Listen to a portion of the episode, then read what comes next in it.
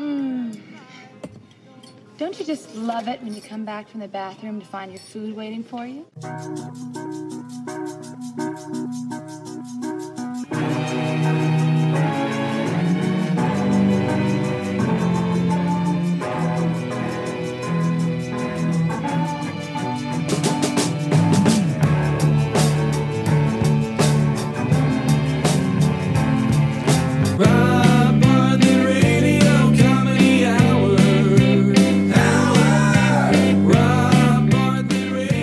Welcome, welcome, boys and girls, to the Rob Bartlett Radio Comedy Hour. I am Rob Bartlett. This is my Radio Comedy Hour, episode 52. Hard to believe, 52 episodes. We're rapidly closing in on the one year anniversary of this very fine podcast to which you are currently listening. Yesterday, we read a couple of uh, emails from you, our loyal followers. Got some yucks out of those, and we would like uh, we would like you to send more. Just uh, drop us a note, Robbio Radio Comedy Hour at gmail.com, and we will answer your email on the air, and you will get fame and fortune. Well, fame at least. But you know what? You get famous for what, 15 minutes? Yeah, which is about as long as these podcasts are. I know it says Radio Comedy Hour, but we have decided we're going to condense it so it is much more concentrated, and you don't have to worry about there being much time between yucks. I want to remind you guys that tomorrow night I'm going to be on Elementary, uh, the modern day Sherlock Holmes show. I'm playing Captain Dwyer for five episodes. I'm filling in for the Aidan Quinn captain, who apparently is shot and in a hospital in intensive care. And I'm there to help run the 11th precinct and help solve crimes with Sherlock and Watson. Um, 10 p.m. EST. Eastern Standard Time on CBS. And I'm going to be going back on the road this summer with my good friend Billy J. Kramer, the Do You Want to Know a Secret Tour. Me and Billy and his band, some comedy, some British invasion music, and a little bit of an interview, and then and then Billy and I are going to do something together. I don't know, a Beatles song or something, but it's going to be great. And if you want to get information on when those are going to be and where you can get tickets, uh, check out the Rob Bartlett Radio Comedy Hour Facebook page or on Twitter at the Robbio or Instagram Robbio007 or Rob Bartlett Radio Comedy. We have two Instagram accounts. That's how big we are. God damn, Jimmy. This is some serious gourmet shit. Today's topic, boys and girls, is food TV. I I realize I watch an inordinate amount of food shows. It started with Anthony Bourdain, who was really the grandfather of it all, I think, and then then I graduated to the best thing I ever ate, then Man versus Food, and uh, of course the Gordon Ramsay trilogy, Hell's Kitchen, 24 Hours to Hell and Back, and Master Chef, which is actually two shows regular MasterChef, which is in its 10th season, and MasterChef Junior, which just concluded last night. MasterChef Junior is a strange ass show. They have these kids, not high school kids, that don't even go higher than 12 years old. Every once in a while, a 13 year old sneaks through, but they're usually eliminated in the first or second round because they're not cute. I mean, any older than that and they're cute, it, it poses a problem for the judges, especially Gordon, who I have a feeling might be capable of hitting on a 16 or 17 year old girl, not because she can make an exquisite creme brulee, but she's got a, how do I put this gently? She has a well stocked dairy case. Anyway, here's how it works 24 kids between the ages of 8 and 13 are chosen from thousands upon thousands of kids who apply. And then the 24 of them compete each week, usually cooking two dishes, uh, two challenges, unless they win the first challenge of the show, in which case they're usually made safe from elimination that week and they get to watch the other remaining contestants struggle to win the second challenge from a balcony over the kitchen like they're Evita. and they always shout encouragement to the contestants below, but you know they're up there going, Suckers! Guess who ain't going home this week? Me! Sitting on a cornflake, waiting for the van to come. I gotta say, it's a little unsettling to watch these kids. I mean, there was this eight year old boy this season, adorable, tiny little thing named Ben. And, and, and this kid, who should be building a Pikachu out of Legos, whips up a rack of lamb with Dijon mustard and rosemary coating. Eight years old, he's cranking out pan seared salmon with a potato and link timbali, sauteed morels in an avocado salad with a lime and pomegranate gastrique. When I was eight, I could barely make toast.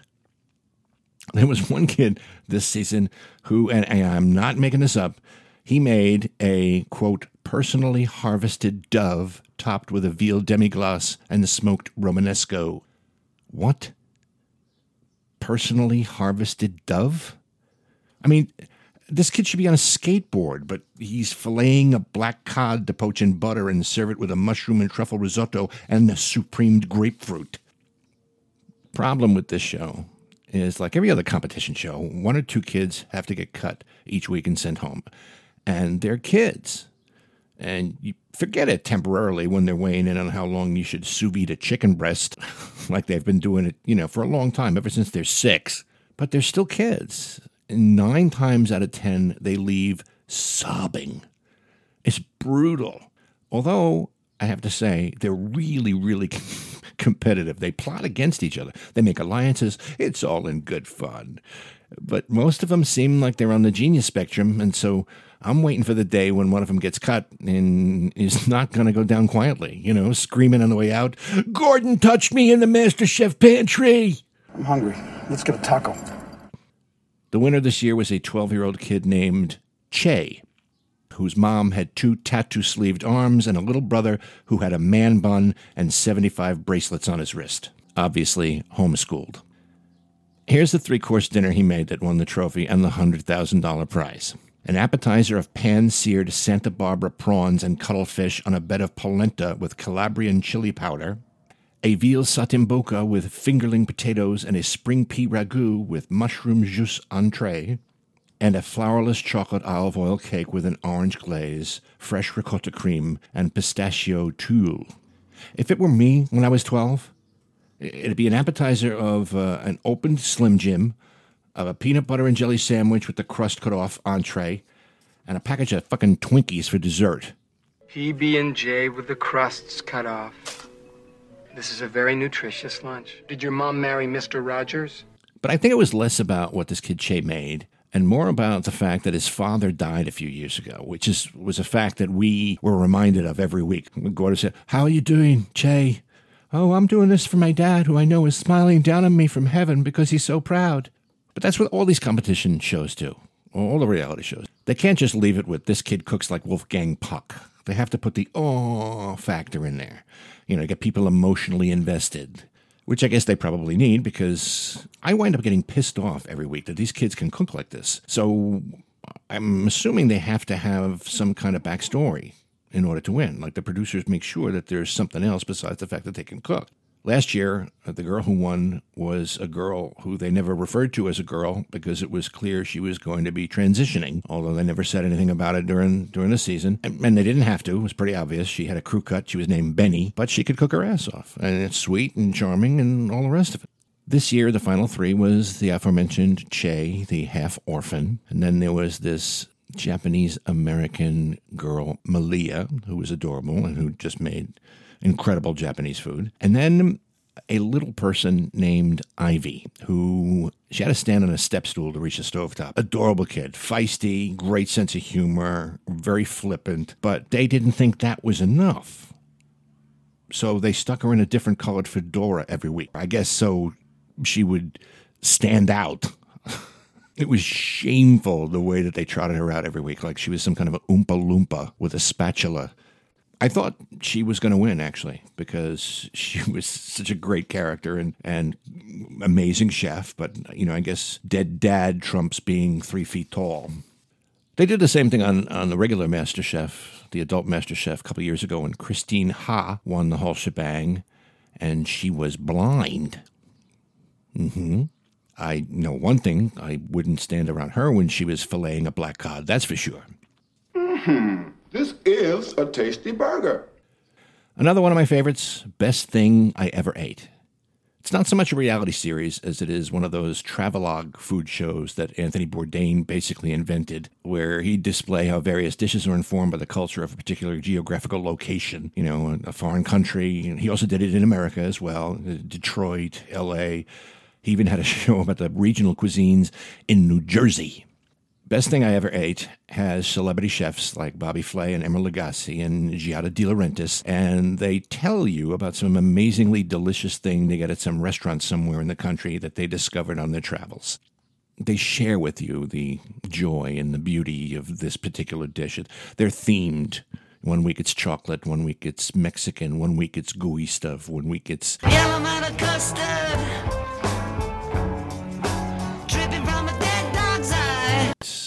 They're running out of ideas, but and they get all hyped up about how great this stuff is, and you wind up getting really fucking hungry as you're watching it because they're like drooling about these dishes, and of course it's food porn the way they shoot it, and it just everything looks so deliciously juicy and, and perfect.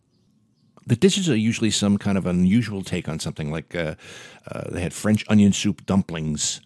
Uh, one show there were cheese injected tomatoes on a stick wherever these things are found, the, they bring a camera crew, they go into the kitchen, and the chef shows how he or she makes this indescribable dish. And every single time, it, it, it never fails. There's always the quote, secret ingredient they can't tell you about.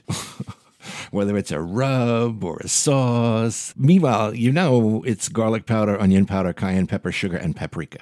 Everything has got paprika in it. I don't care if it's in the marinade for the pulled pork sandwich or the waffle batter for their signature chicken and waffles. There's always some fucking paprika in it. That much I can tell you. Pork chops taste good. Sewer rat may taste like pumpkin pie, but I never know because I wouldn't eat the filthy motherfuckers. This kind of behind the scenes food porn, I think, started with diners, drive-ins, and dives. Guy Fieri, who is basically the Shia LaBeouf of the culinary world, he's the champion of the blue-collar, down-to-earth, good old American street food, and he travels all over the country in this incredible cherried-out 1968 Camaro convertible ZZ502. And he's got that signature look that makes him resemble Steve Harwell from Smash Mouth, if Steve Harwell from Smash Mouth was a fat gay surfer. Uh, guy's got the goatee and the platinum blonde frosted tips and the and the tats and the rings that are bigger than a WWE championship belt buckle, and of course, the sunglasses worn on the back of the neck. Born to be wild. Guy Fieri's basically the most hated person on the Food Network, and yet he's still got like eight or nine shows on it. I mean, the first was Diners, Drive-Ins, and Dives. It's still on. I don't know what season they're in. He visits little holes in the wall across the U.S. to see what's so special cooking in these little places' kitchens. And 99% of the time, it's uh, all the different ways you can cook a fucking burger. Royale with cheese. He's got a whole dictionary of really tedious catchphrases like, uh, that's bomb.com tasty. Those peanut butter crab cakes are funkalicious, dude. Hot frisbee of fun. Those cheesy pork fat pancakes are a hot frisbee of fun. When something he thinks is particularly delicious, he says, oh, I'd put that on a flip flop and eat it, which I'm surprised he hasn't done already because he's so wacky. This morning, he, he, he says, Oh, that puts the shamalama in ding dong. That's lights out delicious. But his most famous term, of course, is Flavor Town. Flavor Town, that magical place where the trees are made of bacon and the rivers flow with pork gravy. No, man, I don't eat pork. Are you Jewish? No, I ain't Jewish. I just don't dig on swine, that's all. Sometimes he'll refer to a particularly rich soup or a bisque as a, a hot tub in Flavor Town. If there's a God, Guy would drown in a fucking Flavor Town hot tub of nacho cheese sauce. I'll have the Durward Kirby burger. The best show of the lot, in my humble opinion, is Man versus Food. It's also one of those travelogue food shows that used to star actor and food enthusiast Adam Richman. I don't know if his resume also included the term douche because he was pretty insufferable to watch. In every city he visited, he'd explore its culture and unique food, like Anthony Bourdain. He'd sample the more famous dishes in each city. Each episode, he'd go to two restaurants in the area, find out what their most interesting or famous food items were. He'd interview the chefs and the owners and the diners, and, and then they'd show him how they made the dish. And like Guy Fieri, he would taste it in the kitchen and then describe the taste. You know, first you get the smokiness from the bacon and, and then the creaminess of the cheese and, and the caramelized onions, which pair with the caramelization of the sear on the meat perfectly. And then you get that little bit of heat at the back from the jalapeno. Adam, it's not beef stroganoff, it's a fucking bacon cheeseburger with jalapeno relish. Hamburgers, the cornerstone of any nutritious breakfast. The new guy, Casey Webb, is a lot better. He's a little bit easier to take. He does have this annoying little giggle, though, which kind of gets on your nerves. Like everything is funny. Wow, look at the size of this pizza. it's just giggle, giggle. He does the same thing as Adam Richman, including the final segment, which is some kind of an eating challenge. It's either something ridiculously big, like a, a stack of 20 blueberry pancakes with syrup, or a four pound burrito, or a 72 ounce steak, along with shrimp cocktail, baked potato salad, and a dinner roll. And usually these things have to be consumed in a certain length of time, like under 30 minutes or 20 minutes or however long it is. It's either one of those or it's something insanely hot. Like one episode, they had ramen made with 10 different types of chilies. Uh, another one, they had a dozen wings and a habanero and ghost pepper sauce. And he had to eat that in like 15 minutes and then not drink anything, including a glass of milk, for five minutes after the 15 minutes. And here's the thing if, if they win, if man wins the challenge, he gets a t shirt. The molten lava diarrhea you'd get after eating a dozen ghost pepper wings, yeah, that kind of pain is worth a fucking t shirt. Sometimes there's no time limit, but if he doesn't finish, he has to pay for it, like the 72 ounce steak dinner at the big Texan steak ranch in Amarillo. He's got to come up with 72 bucks. The record for the shortest time to finish the entire dinner, which is the 72 ounce steak, the baked potato, the shrimp cocktail, the dinner roll, and the salad, was 8 minutes and 52 seconds, set by Joey Chestnut, of course, the, the hot dog eating champion of the world. That was until a 125 pound woman did it in 4 minutes and 18 seconds, and then immediately after ate two more complete dinners in 20 minutes. That's 13 and a half pounds of beef plus the potato and salad and dinner roll and shrimp cocktail. Even I think that's disgusting. And when I saw that John Candy movie, The Great Outdoors, and he took the old 96er steak challenge, I thought that looked good. What's the soup of the day? The soup of the day is jalapeno corn chowder. Mm-hmm. What was it yesterday? Jalapeno corn chowder. Oh, so soup every two days. And last week, ah, So soup of the week. it's soup of the week. Ah, let's have a soup of the week. Yes. But I continue to watch Man vs. Food every week, and it's not because Casey has some kind of physical deformity or malady or tragedy in his life, but because it's amusing to watch someone eat like they're going to the chair or trying to commit Scoville unit suicide. Although sometimes I think the boy might just be a little touched in the head.